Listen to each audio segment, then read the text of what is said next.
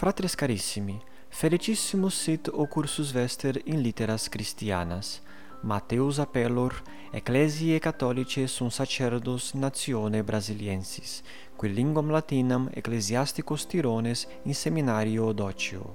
Auctores Christianos latine conscribentes eorunque opera unice colo, qua propter sedem anc acroamatis seu podcast Literis Christianis fovendis ac proveendis condidi spero quidem os sermones et vobis pro futuros et quod liciat iucundos. Fruamini ergo quam maxime.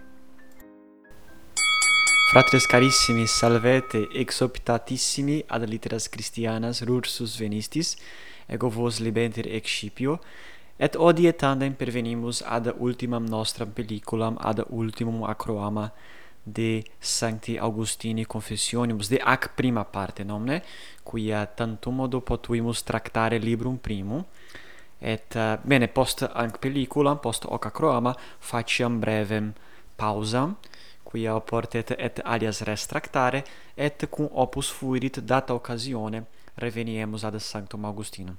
Bene spero vos bene valere, ego satis bene valeo, fui mm, negotiosus is diebus itaque diu non potui pelliculam et acroama edere. Et me pudet hoc identide dicere sed bene difficile est uh, omnia uh, sic ordinare ut tempus subsicivum abeam ad litteras latinas tractandas. Praesertim is temporibus quibus nunc sumus ic in Brasilia nomne est finis uh, primi semestris et uh, debio parare pericula ad discipulos meus corrigere pericula, pericula et alia uiuscemo ditaque sum mult sum negotiosus et uh, sed hoc tandem potui facere et spero me uh, imposterum melius eh, vita meam et tempus meum ordinare. Reveniamus ergo ad Sant'Augustinum quia praeterita pellicula Augustinus cepit loqui de poetis nome de Carminibus Latinis commodo illic cum esset in ludo puerorum didicerit litteras uh, ehm, et Augustinus uh, aliquantulum increpat mores illos antiquos non solum quod magistri in ludo sollebat pueros verberare sed etiam quia illic multa erant tractanda multa prava erant tractanda quae Paulatim dicamus animum juvenum uh, flectebat ad res malas. Et Augustinus hoc odie uh, fusius tractabit ergo eamus cum eo ad anc partem et faciam sicut uh, in more positum est legam paragraphum deinde eam explicabo enodabo turpes poete male pueros instituunt. Sed ve tibi flumen moris humani, quis resistet tibi? Quandiu non si caberis? Quo usque volves, eve filios, in mare maium et formidulosum, quod vix transiunt, quilium conscenderint? Nomne ego in te legi, et tonantem Iovem et adulterantem, et utique non posset ec duo sed actum est ut aberet auctoritatem ad imitandum verum adulterium lenocinante falso tonitru quis autem penullatorum magistrorum audit aure sobria ex eodem pulvere hominem clamantem et dicentem fingebat ec Homerus et humana ad Deus transferebat. Divina malem ad nos sed verius dicitur, quod fingebat ec quidem ile, sed hominibus flagitiosis divina tribuendo ne flagitia flagitia putarentur, et ut quisquis ea fecisset, non homines perditos, sed celestes Deos videretur imitatus. Benet nunc, Augustinus comparat conferta uh, ilam consuetudinem, uh, carminum uh, legendi, cum flumine moris humani nomne quia sicut flumen solet homines iactare uh, in aquis ita et carmina illa prava et Augustinus non loquitur de omnibus carminibus certe sed de illis carminibus pravis loquitur commodo illa carmina prava uh, volveret animos juvenum animos hominum et nunc dicit ah quousque volves eve filios in mare maium et formidolosum quod vix transiunt quilium conscenderint?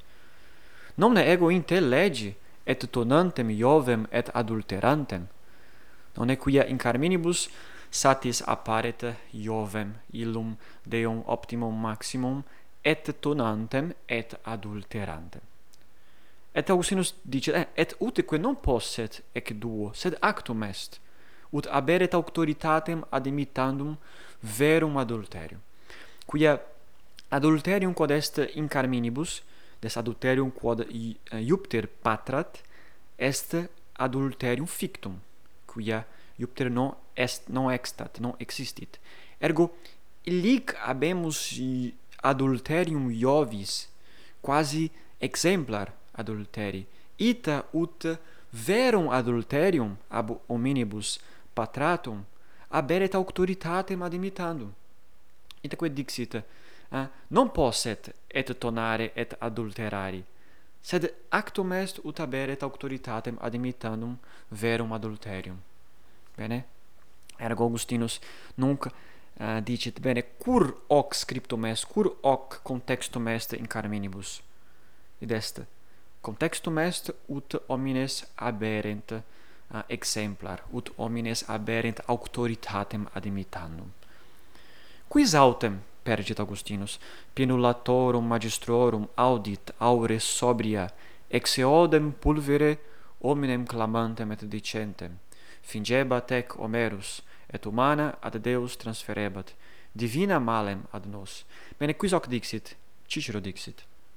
Sed uh, Augustinus affert hoc testimonium Ciceronis, quod non erat acceptum magistris. Nome, quis, quis uh, penulatorum magistrorum audit aure sobria, hominem hoc dicentem. Fortasse, nemo audit aure sobria, quia Cicero bicamus increpat illos mores nomne, quid dicit Cicero, Homerus, ile poeta grecus, fingebat ec, id est, uh, mente sua fingebat ecdest Iovem adulterantem et Deus alia flagitia patrant et Deus alia flagitia patrantes et humana ad Deus transferebat. Id est sicut Ciceronem Homerus videbat ec apud homines et transtulit ec ad Deus. Bene? Et quid subiungit Cicero? divina malem ad nos. Utinam utinam divina ad nos non nostra ad deos eh, utinam uh, res divinas uh, res divine transfererentur ad nos et Cicero increpat dicamus illum morem Homericum. Et Augustin Augustinus non solum assentitur Ciceroni sed etiam uh, adit sed verius dicitur quod fingebat ec quidem ille Homeros sed hominibus flagiosis divina tribuendo ne flagitia flagitia putarentur. Id est hoc consilio fin, finxit hoc Homeros ut homines aberent exemplum ut homines possent patrare peccata possent patrare res malas ita ut eres ne male putarentur ne flagitia putarentur flagitia. Et et ut quis quis ea fecisset non homines perditos sed celestes deos videretur imitatus oh si patro adulterio non malum facio quia imitor Iovem imitor alios deos qui talia fecerunt. Ergo Augustinus dicit oh ex sunt ficta ab Homero et ab alis poetis ut homines mali ut homines pravi aberent uh, auctoritatem ad mala patranda. Bene pergamus. Et tamen o flumen tartareum iactantur in te fili hominum cum mercedibus ut ec discant et mania res agitur cum hoc agitur publice in foro in conspectu legum supra mercedem salaria de cernentium. et saxa tua percutis et sonas dicens inc verba discuntur, inc adequiritur eloquentia rebus persuadendis sententiisque explicandis maxime necessaria ita vero non conheceremus verba ec imbrem et aureum et gremium et fucum et templa celi et alia verba quae in eo loco scripta sunt nisi terentius induceret nequam adolescentem proponentem sibi Iovem ad exemplum stupri dum spectat tabulam quandam pictam impariete ubi inerat pictura ec Iovem quo pacto Danae misisse aiunt in gremium quodam imbrem aureum fuct fucum factum mulieri. Et vide quem ad modum se concitat ad libidinem quasi celesti magisterio adquem deum inquit qui templa celi sumo sonitu concutit. Ego omuntio id non facerem. Ego illud vero feci ac libens. Bene ec est eh, uh, paragraphus Augustinus pergit argumentum sum nomne et rursus appellat uh, eh, flumen Tartarium flumen uh, talia carmina in quibus homines iactantur nomne? Et dicit uh, Maia res agitur cum hoc agitur publice in foro in conspectu legum supra mercedem salariam decernentium id est non solum litere discuntur uh, dicamus ambitu privato sed etiam publice hoc agitur in foro et non solum agitur in foro, sed leges decernunt mercedem super mercedem salaria. Id est non solum magistri accipiunt mercedem ab hominibus qui mitunt filios suos ad ludus, sed etiam leges leges civiles statum decernunt salaria desta pecuniam publicam illis magistris. Et Augustinus perdit et saxa tua percutis et sonas dicens Inc verba discuntur, inc adquiritur eloquentia rebus persuadendis. Fortasse hic Augustinus uh, refert illa verba quae solebat audire in foro nomne precones magistrorum clamantes et vocantes parentes et pueros ad ludos nomne ita vero non conosceremos verba ec et nunc Augustinus cepit interrogare, nomne, modo quasi ironico, nomne, ita vero non conosceremos verba ec, imbrem, et aureum, et gremium, et fuctum, et templa celi, et alia verba, quae in eo loco scripta sunt, nisi terentius induceret, nequam adolescentem, proponentem sibi Iovem ad exemplum stupri, quia fortasse aliqui aliqui dicunt ah bene nos discimus uh, illa carmina quia illic sunt verba multa et non discimus carmina sed discimus verba. Et Augustinus senteret. Bene, non conosceremos verba ec imbrem aureum gremium et fulcum et templa celi nisi terentius induceret ec descur necesse fuit eh?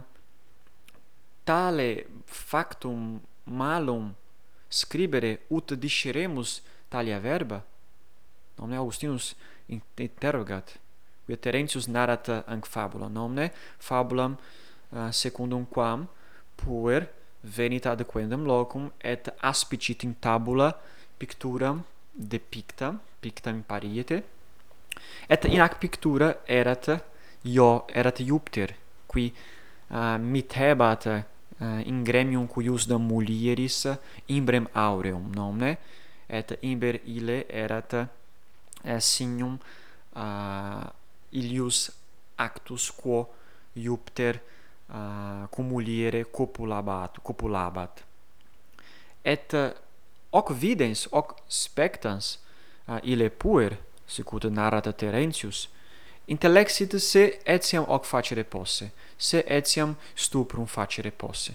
Questi iupter hoc facit, desta puella nesciente, puella uh, muliere uh, uh, muliere non volente nome, fortasse et ego possum hoc facere et ille puer dicit secundum Terentius atquen Deum?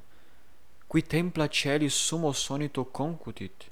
Ego mutio id non facerem et esse si Deus qui qui templa celi concutit si Deus ille potens fortissimus quem Iovem esse scimus hoc facit cur ego o mutio non facerem? Nomne? et Augustinus increpat uh, hoc et pergit. No omnino per anca turpitudinem verba ista commodius discuntur sed per ec verba turpitudo ista confidentius perpetratur. Non accuso verba quasi vasa electa atque preciosa sed vinum erroris quod in eis nobis propinabatur ab, ab ebris doctoribus et nisi biberemus cedebamur, nec appellare ad aliquem iudicem sobrium licebat.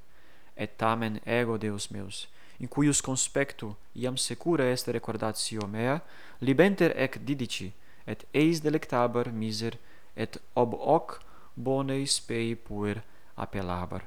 Et Augustinus dice, ah, bene, ego non increpu verba ipsa, quia verba non sunt mala, sed fortasse hic non probo uh, vinum dest id quod est invasis id quod subiacet uh, sub verbis et sic illi pueriqui ec discebant in uh, discebant in ludo paulatim uh, auriebant nomne et uh, quom magis calebant talia carmina tal, tales fabulas eo magis bonei spei pueri appellarentur, appellabantur. Et Augustinus loquitur de se ipso, non ego eh, puer bone spei appellabar. Et pergit Augustinus, sine me, Deus meus, dicere aliquid, et de ingenio meo munere tuo, in quibus a me deliramentis aterebatur, proponebatur enim mihi negotium, anime me satis inquietum, premio laudis et dedecoris vel plagarum meto. Ut dicerem verba iunonis irascentis et dolentis quod non posset italiate ucrorum avertere regem quae nunquam iunonem dixisse audiram. Sed fimentorum poeticorum vestigia errantes sequi cogebamur et tale aliquid dicere solutis verbis quale poeta dixisset versibus et ille dicebat laudabilius in quo pro dignitate adumbrate persone ire ac dolores similior affectus eminebat verbi sententias congruenter vestientibus ut quid mihi illud o vera vita deus meus? Quod mic recitanti acclamabatur premultis coetaneis et collectoribus meis? Nomne ecce illa omnia fumus et ventus? Itane aliud non erat ubi exerceretur ingenium et lingua mea? Laudes tue domine laudes tue per scripturas tuas suspenderent palmitem cordis mei. Et non raperetur per inania nugarum turpis preda volatilibus. Non enim uno modo sacrificatur transgressoribus angelis. Bene ergo augustinus nunc loquitur de consuetudine de exercitio quod magistri puris commendabant suo tempore ed est puri dic, eh, debebant recitare dicere verba quae erant illic in carmine et nunc Augustinus loquitur de verbis iunonis irascentis et dolentis sicut legere possumus apud Virgilium uh, et nunc habemus hic versum Virgilianum quem certe Augustinus memoria uh, memoria tenebat um, Italiate ucrora vertere regem, quia Iuno, mutuscimus, voluit eh, uh, avertere uh, eh, Eneam ab Italia, et non poterat hoc facere. Et uh, Augustinus dicit, ego nunquam audivi Iunonem ec dixisse, et debebam uh, hoc recitare. Et vestigia fim mentorum poeticorum, errantes sequi cogebamur. Id est pueri cogebam cogebantur sequi illa vestigia poeticorum fimentorum. Iuno nuncum hoc dixit sed poeta hoc finxit verba ec finxit et scripsit. Et tale aliquid dicere solutis verbis quale poeta dixisset dixisset versibus. Et nunc habemus illud exercitium nomne pueri debebant uh, eh, narrare id est uh, enodare solutis verbis id quod poeta dixi, dixerat verbis. Eros est exercitium satis opportunum et bonum nomne uh, eh, audire versum et solvere uh, solvere versus solvere verba ita ut possimus oratione soluta narrare id quod versibus uh, scriptum est. Et Augustinus hoc facebat in ludo sicut dixit et deinde adit. Et ille dicebat laudabilius ille poeta nomne in quo pro dignitate adumbrate persone ire ac doloris similior affectus eminebat.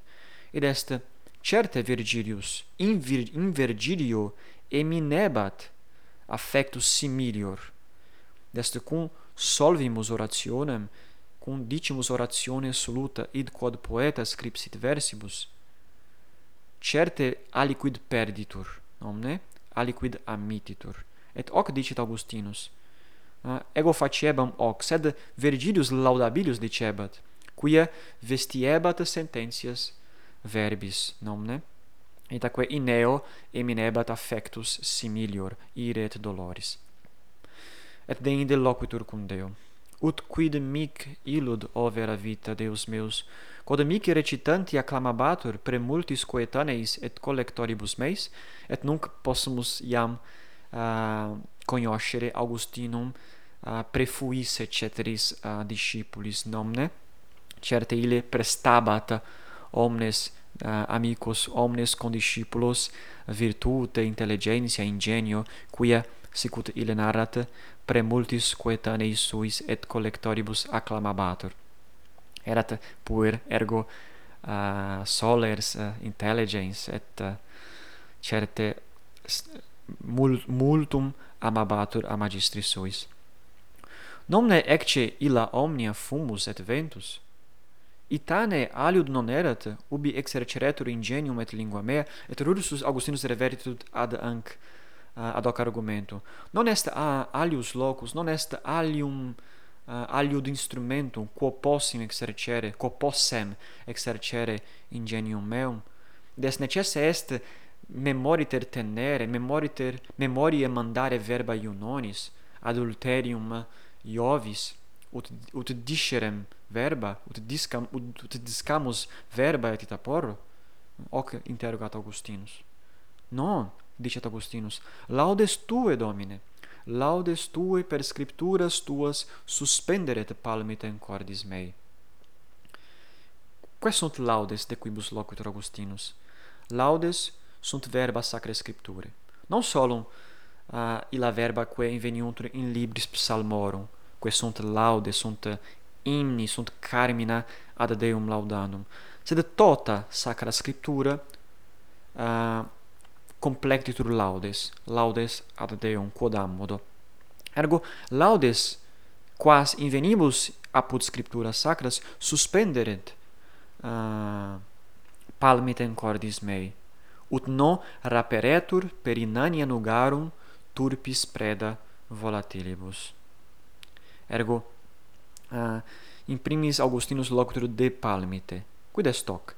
Iesus Christus in quodam uh, in quadam similitudine in quadam parabola quibus uh, quibus parabolis eh, Iesus Christus uh, frequentissime utebatur ad docendos suos discipulos ille loquitur de palmite et dixit ego sum vitis vos estis palmites et si in me manseritis uh, fructum afferetis ergo uh, si nos habemus palmite nostrum ad Iesum Christum ad vitam illam ad nexum coniunctum fructum afferemus itaque Augustinus locutur de palmite cordi sui. Ergo laudes per scripturas tuas Domine suspenderent palmitem cordis mei des sic uh, possem fructum affere et nora peretur per inania nugarum turpis preda volatilibus quia mene volatilia sunt aves, sunt passeres. Eh, in Sacra Scriptura hoc vocabulum est eh, satis uh, usitatum, usurpatum, volatilia, volatilia penata, sunt aves.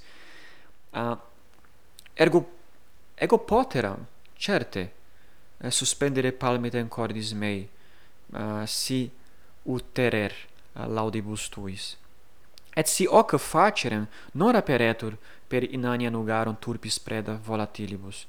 Et nunc Augustinus Rursus invocat aliam parabolam, qua Christus loquitur de seminibus, quae cadunt secus vie. Et semina quae cadunt in terra bonam, uh, ehm, dicamus radicem abent et fructum afferunt. Et sunt alia semina quae cadunt in aliis locis.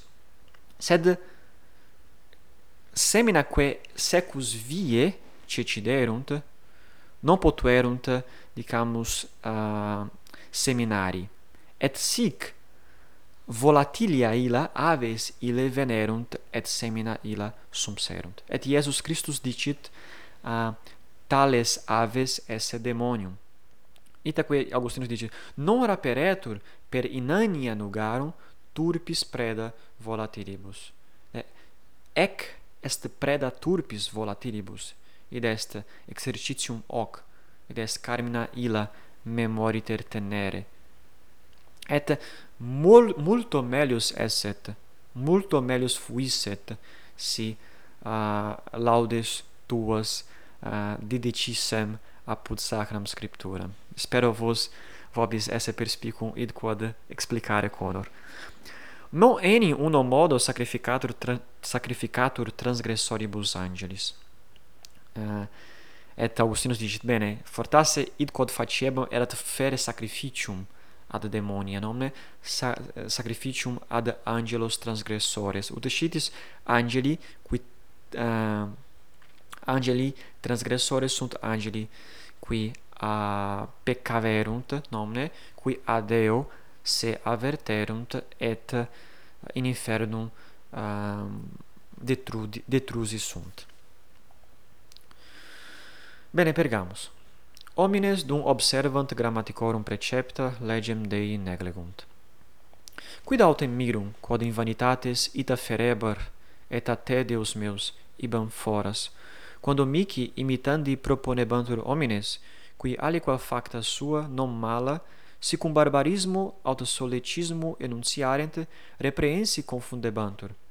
Si autem libidine suas integris et rite consequentibus verbis copiose ornateque narrarent laudate gloriabantur? Vides ec domine et taces longanimis et multum misericors et verax. Non quid semper tacebis? Et nunc eruis de hoc imanissimo profundo querentem te animam et scientem delectationes tuas. Et cuius cor dicit tibi quesivi vultum tuum vultum tuum domine requiram. Nam longe a vultu tuo in affectu tenebroso. No enim pedibus aut spatiis locorum itur abste aut reditur ad te. Aut vero filius ille tuus minor equos vel currus vel naves quesivit aut avolavit pina visibili, aut moto poplite iter egit, ut in longinqua regione vivens prodige dissiparet, quod dederas proficiscenti dulcis pater quia dederas, et egeno redeunti dulcior. In affecto ergo libidinoso, id eni est tenebroso, atque id est longe a vultu tuo. Bene, nunc Augustinus uh, narat de dicamus de de malo iudicio de mala existimatione quam homines suo tempore habebant. Quia ita amabant litteras ut siquid boni factum esset quod narraretur cum barbarismo aut soletismo hoc erat eis in nominie si autem aliquid malum nararetur ornate et copiose etiam si malum est bene laudabatur id est laudabatur verbis ah, uh, copiosius verbis uh, pulcris. It ut uh, non respiciebant facta ipsa non respiciebant acta hominum sed respiciebant quomodo narrabatur narrabatur ergo Ah, uh, Augustinus uh, ah, ec facta ec cons consuetudinem increpat non et reprehendit ah. si cum barbarismo aut solecismo enunciaret reprehensi confundebantur. Et si homines facta bona narrabant et hoc facebant cum barbarismo et solecismo reprehensi confundebantur. Si autem libidine suas integris et rite consequentibus verbis copiosa ornateco narrarent laudati gloriabuntur. Quid est hoc, Domine? Cur hoc? Homines male existimant res, male uh, librant, quid verum sit bonum, nomne? Vides ec Domine, et tace longanimis et multum misericors et verax, et nunc afferet loca, afferet locos ex sacra scriptura, ex psalmis, Nunc quid semper tacebis et nunc eruis de hoc imanissimo profundo querentem te animam et sitientem delectationes tuas. Et Augustinus dicit commodo Deus potest uh, afferre auferre nomne animam ab hac profundo. Animam scirici sitientem delectationes divinas. Et deinde Augustinus subiungit no en impedibus aut spatiis locorum itur abste alter reditur ad te. Et nunc uh, subiungit uh, illam parabulam filii prodigi.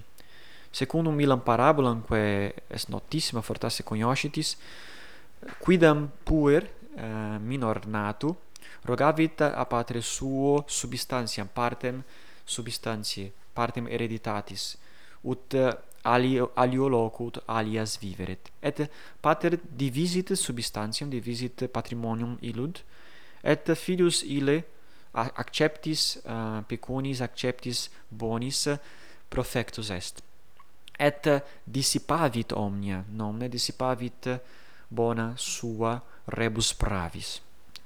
Et uh, fa famis et fame ita est non bene ricordo ita et famis uh, facta est in illa regione.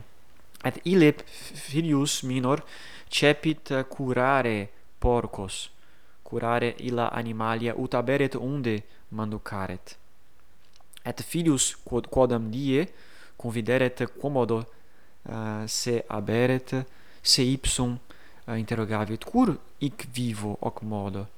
Etiam servi in domo patris mei Eh, Amelius vivunt quam ego, ego male egi, ego peccavi contra Deum, et coram patre meo.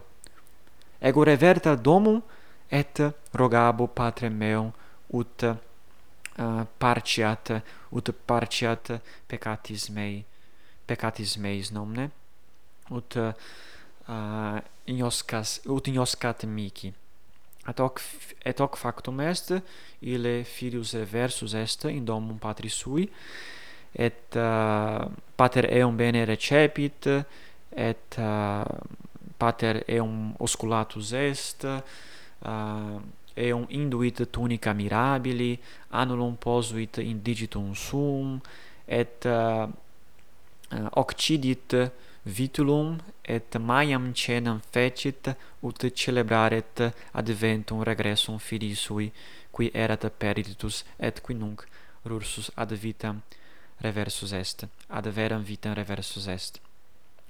Et uh, Augustinus uh, de ac storia mentionem facit nomne uh, aut vero filius ille tuus minor desta filius de quo uh, locutus sum equos vel curros vel naves quesivit aut avolavit pina visibili, automoto poplite iter egit, ut in longinqua regione vivens prodige dissiparet, quod dederas.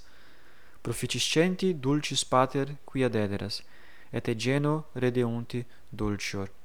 In affecto ergo libidinoso, ideni est tenebroso, atque id est longe a tuo, id est ile uh, eh, filius, non quesivit equos oscurus, et non avolavit pena visibili, pina visibles pena visibili, aut moto poplite, id est pedibus iter egit, uh, ut viveret, sed hoc fecit in se ipsum, nomne, primum mente peccavit, anticum patraret ec facta mala.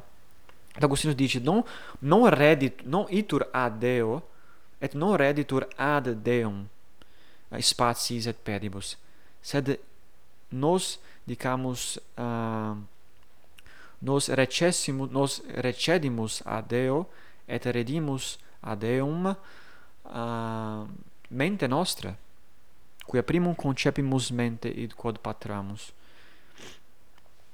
Ergo in affecto libidinoso. Pergamus.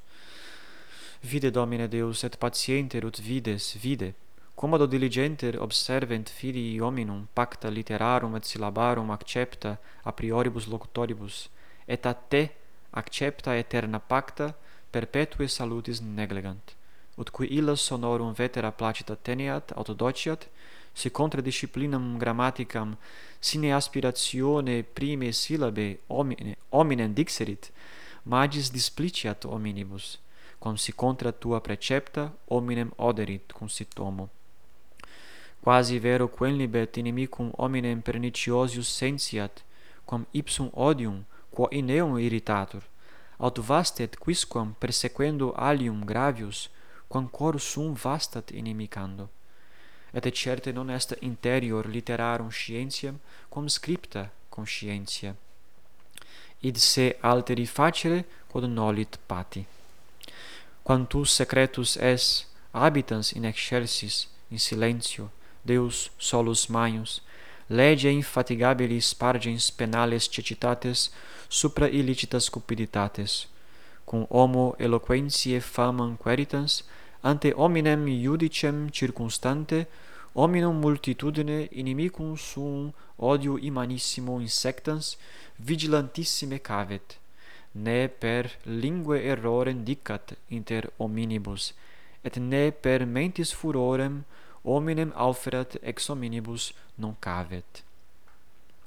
Bene, nunc Augustinus cepit loquens de illis uh, eh, paradoxis nomne, sicut antia dic locutus est de de hominibus qui uh, non probant si aliquid bonum factum narratur solecismo et barbarismo, sed probant si facta mala copiose tornete narrantur eh, sicut ec eh, ita et nunc Augustinus eh, reprehendit homines qui dicamus rite et presse observant pacta literarum et syllabarum accepta a prioribus et non accipiunt et non dicamus retinent et servant accepta uh, eterna pacta perpetue salutis id est evangelium veritatem Christi.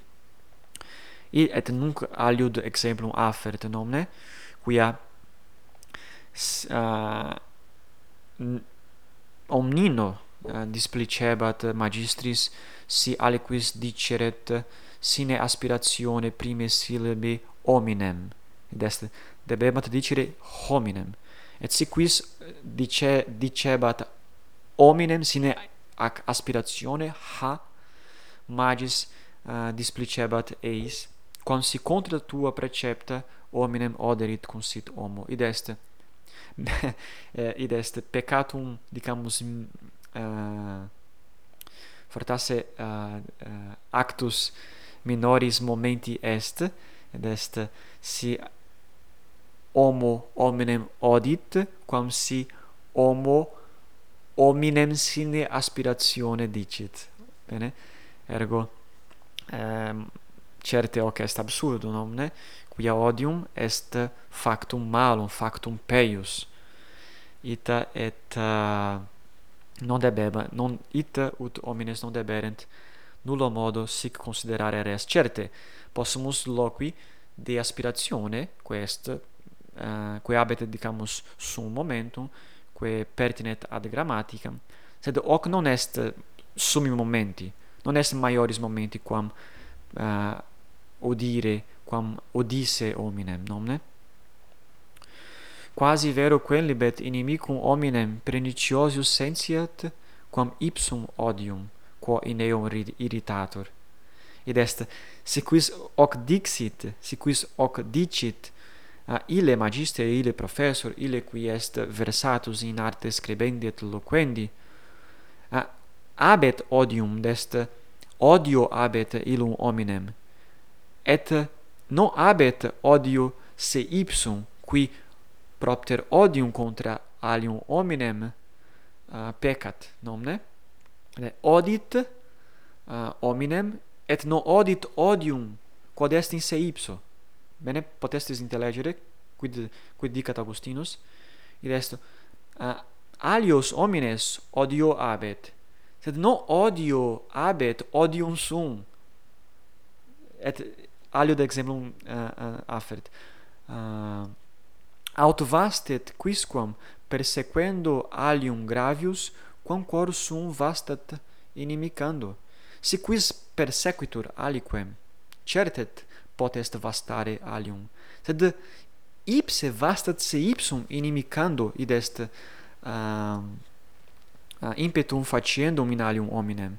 Id est malum prius est in in ipsa persona quae mal malum factum patrat quam in cetero. Bene? Ergo eh, Augustinus uh, dicamus non non dicamus artem grammaticam hic uh, parvi momentis existimat, sed dedicamus uh, reprehendit illam consuetudinem, uh, qua homines tantum modo aspicebant, respicebant, observabant leges illas grammaticas, et non uh, observabant eaque sunt maiores momenti. Est uh, quodque habet sum momentum, nomne? Quodque habet sum momentum et eh, eh, uh, sum pretium sed res grammaticalis non est maioris momenti quam uh, odium et uh, alia uiuscemodi et certe non est interior. Ah bene tanto modo dicendum est de ac uh, locutione filii hominum quae fortasse vobis nota non est. Invenimus eam apud sacram scripturam est frequentissima preserte in, in no, non solo in, in antico non solo in Antico Testamento, sed etiam in Novo Testamento apparet. Uh, eh, in ipsa uh, Iesu Christi, in ipso Iesu Christi ore. Filius uh, hominis, vel filii hominum sunt homines. Est semitismus, est uh, consuetudo est mo modus loquendi uh, iudeorum, uh, hebreorum tempore tempore antiquo. Itaque filii hominum significat homines, tantum modo. Ubi eram uh, ic. Et certe non est interior literarum scientiam quam scripta conscientia id se alteri facere quod nolit pati. Uh, Augustin non est interior scientia literarum quam scripta conscientia. Conscientia scripta est, non, ne? et conscientia scripta est interior scientia literarum vel scientia literarum maxima et uh, intimissima est scripta conscientia et augustinus affert dicamus quasi legem conscientiae id se alteri facere quod nolit pati. Domne omnes accipiunt anc sententia. Omnes ad sentiunt ei. Quantus secretus es habitas in excelsis in silentio, Deus solus maius, lege infatigabilis pargens penales cecitates supra illicitas cupiditates, cum homo eloquentiae famam queritas, ante hominem iudicem, circumstante hominum multitudine, inimicum sum odio immanissimum insectans vigilantissime cavet, ne per lingue errorem dicat inter hominibus et ne permentis furorem hominem auferat ex hominibus non cavet.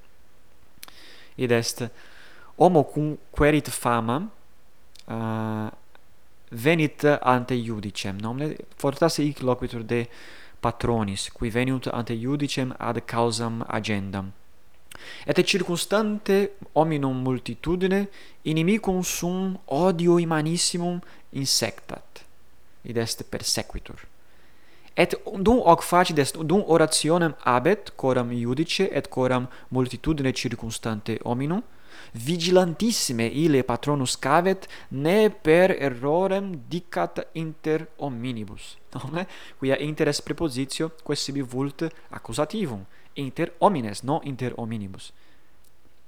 Ergo ille dum persequitur alium vigilantissime cavet ne per errorem dicat inter hominibus et ne permentis furorem homin, hominem alferat ex hominibus non cavet. Id est ille attente considerat ne errorem faciat. Id est ne mendum faci, faciat. Sed non cavet non cavet sicut cavendum uh, erat ne permentis furorem hominem alferat ex hominibus. Id est fortasse ille per faset per nefas uh, contra aliquem. Uh, contra aliquem impetum facit. Et non cavet hoc et scavendum est hoc. Cavendum est innocentem condemnare et ille qui est illic cavet ne errorem faciat sed non cavet a furorem suum non cavet per furorem suum hominem auferri auferre ex hominibus. Pulcra est ec locutio augustini. Bene nunc Augustini pueri peccata. Orum ego puer, orum ego puer morum in limine iacebam miser. Et uius arene palestra erat illa, ubi magis temebam barbarismum facere, concavebam si facerem non facientibus invidere. Dico ec, et confitior tibi, Deus meus, in quibus laudabar abeis, quibus placere tunc mic erat honeste vivere non invidebam voraginem turpitudinis, in quam proiectus eram ab oculis tuis. Nam iniris, iam quid me fedius fuit, ubi etiam talibus displicebam, falendo innumerabilibus mendacis, et pedagogum et magistros et parentes amore ludendi, studio spectandi nugatoria, et imitandi ludrica inquietudine. Furta etiam faciebam decellario parentum, et demensa vel gula imperitante, vel ut aberem quod darem pueris, ludum sum mici, quo pariter utique delectabantur, tamen vendentibus. In coetium ludo, fraudulentas victorias ipse vana excellentiae cupiditate victus sepe occupabar. Quid autem tam nolebam pati atque atrociter, si depreendere arguebam, quam id quod aliis faciebam? et si deprensus arguerer, se vire magis quam cedere libebat. Istane est innocentia puerilis, non est, Domine, non est oro te, Deus meus. Non ec ipsa sunt, quae a pedagogis et magistris, a nutibus et a pilulis et passeribus, ad prefectos et reges, aurum predia mancipia, ec ipsa omnino succedentibus maioribus etatibus transiunt, sicut ferulis maiora supplicia succedunt. Humilitatis ergo signum in statura pueritiae rex noster probasti cum aist Talium est reium celorum. Bene. Est satis longa paragraphos nomne, videamus ergo Paulatin. In primis Augustinus dicit: "A ah, ego iacebam miser in in, mor, in moribus illis, nonne in limine morum orum." et illic in ludo magis timebam barbarismum facere quam cavebam si facerem non facientibus invidere id est timebat barbarismum facere sed non timebat invidere alios aliis qui uh, non faciebant id est augustinus uh, fortasse cum vida videbat alios homines barbaris, barbarismum non facientes eis invidebat et hoc erat cavendum. Non erat cavendum barbarismum facere sed cavenda est invidia non barbarismus cavendus est. Dico ec et confiteor tibi deus meus in quibus laudabar abeis quibus placere tunc mic erat honeste vivere. Bene id est augustini uh, Augustini sententia honeste vivere erat placere magistris tantum modo. Ec, er, ec erat vita honesta ei. Non enividebam voragine turpitudinis dest Augustinus nunc potest melius examinare animum sum quem abebat eo tempore et vid videre potuit quomodo infans cum esset uh, abebat in se ipsum voraginem, quasi voraginem turpitudinis, in quam proiectus erat ab oculis tuis. Nam in iris iam quid me fedius fuit, ubi etiam talibus displicebam fallendo innumerabilibus mendatis. Et eh, eh, Augustinus non solum placebat magistris, sed displicebat, commodo, fallendo magistros, fallendo pedagogos, parentes, commodo mendatis, amore eludendi, studio spectandi nugatoria et imitandi ludica inquietudine placebat aliquando sed aliquando displicebat. O oh, miser Augustinus furta etiam faciebam dicit decilario parentum et demensa Augustinus puer furtum faciebat quade causa? Gula imperitante vel ut aberem quod darem pueris. Pueris vendentibus ludum sum mici. Ergo Augustinus facebat furtum furabatur parentes suos et uh, vel propter gula vel gula imperante vel uta, utaberet uh, quod daret pueris. Pueris qui vendebat ei ludum. In coetiam ludo fraudulentas victorias ipse vana excellentia cupiditate victus sepe aucupabar. Et Augustinus cum esset victus in ludo ile uh, um, dolo dicamus vincebat. Victus dolo vincebat, quia vincebat fraudulenta victoria. Ergo falebat amicos suos, falebat uh, illos pueros quibuscum ludebat quid autem tam nolebam pati atque atrociter, si depreendere arguebam, quam id quod aliis faciebam, et Augustinus non solum, uh, eh, dicamus, fraudulenta victoria vincebat illos pueros, sed si quis hoc faceret, si quis hoc faceret, ille reprehende, reprehendebat. Ergo Augustinus Ah, uh, dicit commodo possum in alio reprehendere aliquid quod ime ipso probo nonne videmus commodo augustinus ah, uh, subtiliter investigat a uh, motus animi sui investigat illos pravos motus quem quos habemus consumus pueri. Commodo vi commodo vivimus et agimus modo controverso nonne quia id quod probamus in nós metipsis non probamus in alis et, et e contrario. Et si deprensus arguerer, id est si ego eh, in ludo arguerer deprensus, se vire magis cum cedere libebat. Id est Augustinus non admittebat se uh, fe felice, se dolo uh, vixisse, uh, se vicisse, imo, non vixisse, vicisse, istane uh, est innocentia puerilis? Ille interrogat. Est estne hoc eh, uh, estne ec innocentia puerilis? Non est, Domine, non est. Oro te, Deus meus. Non ec ipsa sunt quae a pedagogis et magistris a nutibus et pilulis et passeribus ad prefectos et reges aurum praedia mancipia ec ipsa omnino succedentibus maioribus etatibus transiunt Nomne quia si puer non emendatur, si puer non corrigetur, incipit a pedagogis, incipit a magistris furtum faciens, quid, fur, eh, quid furatur, furatur nuces, pillulas, passeres, et de inde succedentibus maioribus etatibus, quid facit?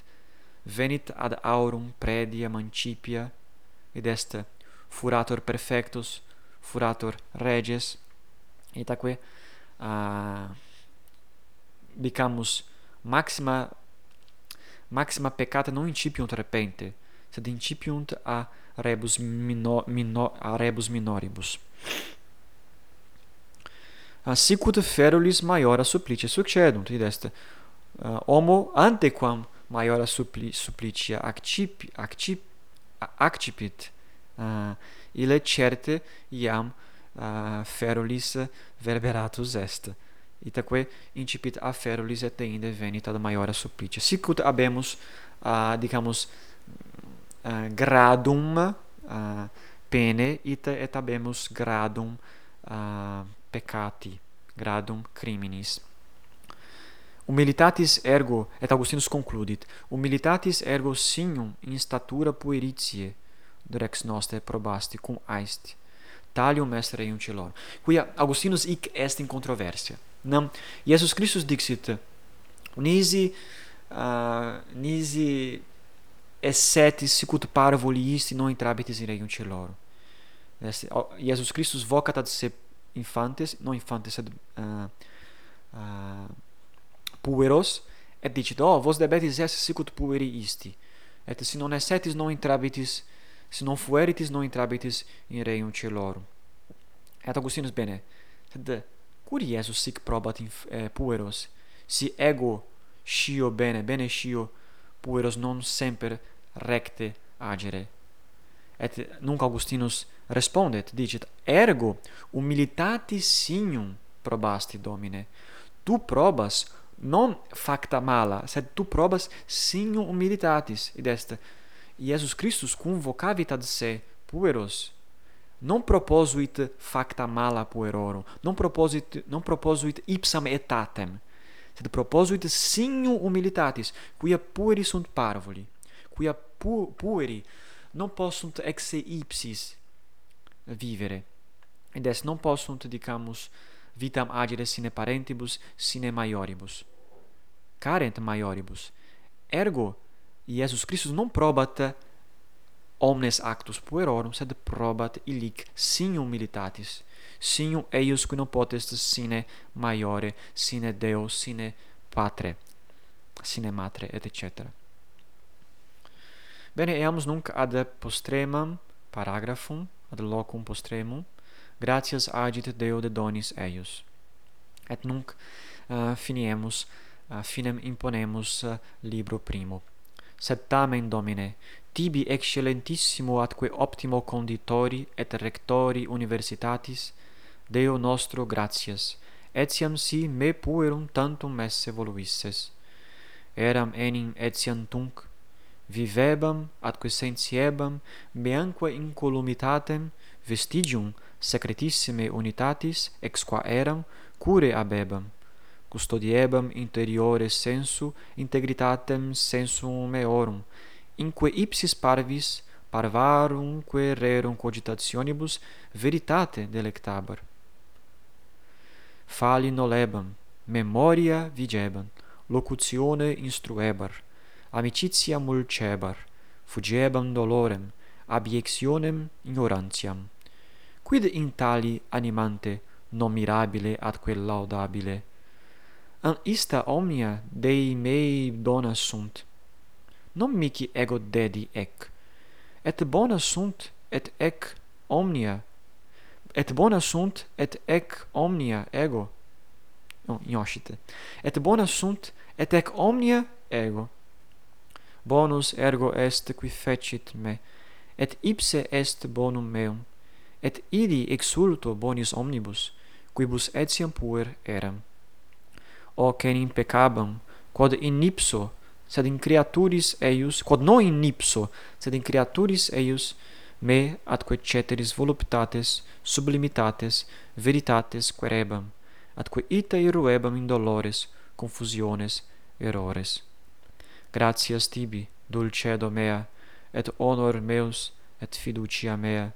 Deus meus gratias tibi de donis tuis sed tu mihi ea serva.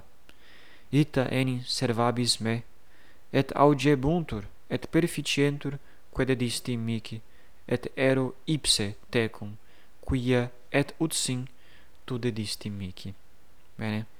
Augustinus concludit explet librum primum is pulcherimis verbis. Et nunc non solum uh, loquitur de malis factis de malis et pravis motibus puerorum sed etiam loquitur de rebus bonis uh, quas invenit in se ipsum omne sentiebam incolumitatem vestigium secretissime unitatis ex qua eram qui Augustinus uh, nunc evocat illam illum statum hominum ante peccatum originale nomne quia homo ante peccatum originale erat uh, integer id est habebat equilibrium perfectum inter animum et corpus, inter suam partem materialem et suam partem spiritualem. Et uh, post peccatum ec harmonia, ec harmonia, hoc equilibrium am, amissum est. Et Augustinus dice ego sensiebam incolumitatem vestigium secretissime unitatis. Bene, quamquam perdimus, quamquam nos homines perdidimus, a unitatem, tamen est in, nob, in nobis vestigium est vestigium, id est non omnia perdita sunt, sed aliquid manet, aliquid boni manet in nobis. Custodiebam quid interiore sensu integritatem sensum meorum, inque ipsis parvis parvarumque rerum cogitationibus veritate delectabar. Id est quamquam erat in ipso uh, aliquid reprehendendum, tamen delectabar veritate. Id est aliquid boni abebam, fali nolebam memoria vigebam locutione instruebar amicitia mulcebar fugiebam dolorem abiectionem ignorantiam. Ec omnia sunt bona dicet augustinus et in me erant. Quid in tali animante nomirabile atque laudabile? Atista omnia dei mei dona sunt. Et augustinus laudat deum nomne quia ec omnia abebam et tabeo. Sed non sunt mea quia ipse mihi dedi, sed Deus meus mihi dedit, est donum Dei. Non mihi ego dedi ec, et bona sunt, et ec omnia ego. Id est, Augustin dicit, bene, ego sum bonus, id est, eh, uh, prot creatura Dei sum, sum bonus. Id est, si attendo ad uh, hoc factum si attendum ad id quod sum ad eo creatus sum bonus. Et ec bona sunt ime ipso et ec omnia sum ego. Bonus ergo est qui fecit me et ipse est bonum meum et illi exulto bonis omnibus quibus etiam puer eram. Et Augustinus exultat nomne et laudat Deum quia bonis suis cumulavit homines. Hoc enim peccabam, quod non in ipso, sed in creaturis eius, mea atque ceteris, voluptates sublimitates veritates querebam. Quid peccatum? Augustinus nunc quasi definitione nobis prebet peccati. Nomne peccatum est querere, non in ipso, des non in Deo, qui omnia bona nobis dedit, sed in creaturis, in me, in ceteris. Querere quid voluptates sublimitates veritates, sed ec non habent, eh? creature non habent, id quod tantum modo Deus potest nobis dare. Et quid, faci, quid factum est, irruebam, dicit Augustinus, in dolores, confusiones et terrores. Et deinde laudat Deum, gratias tibi, Domine, gratias dulcedo meo et honor meus, et fiducia mea. Gratias tibi, de donis tuis sed tu mihi serva ea.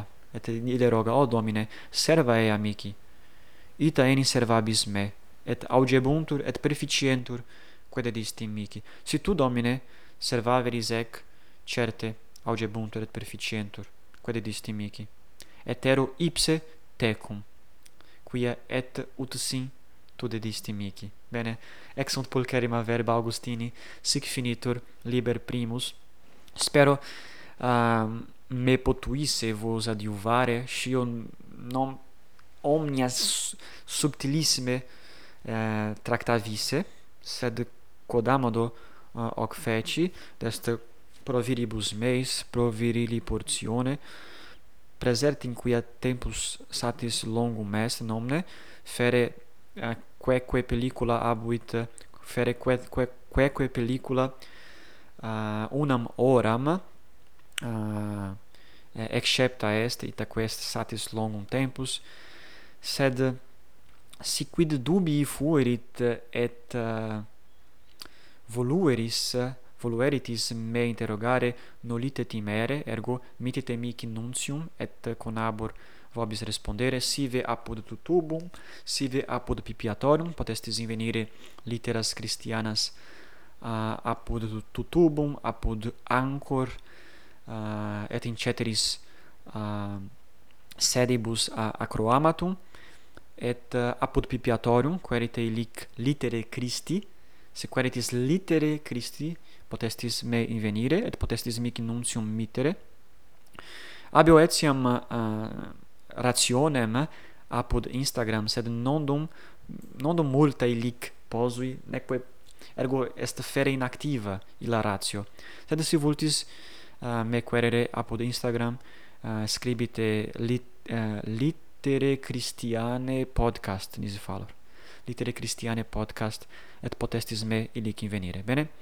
Gratias vobis ago uh, propter vestram benevolentiam erga me propter vestram patientiam in iris in istis pelliculis uh, longioribus et uh, brevi nova vobis aferam. Valete quam maxime.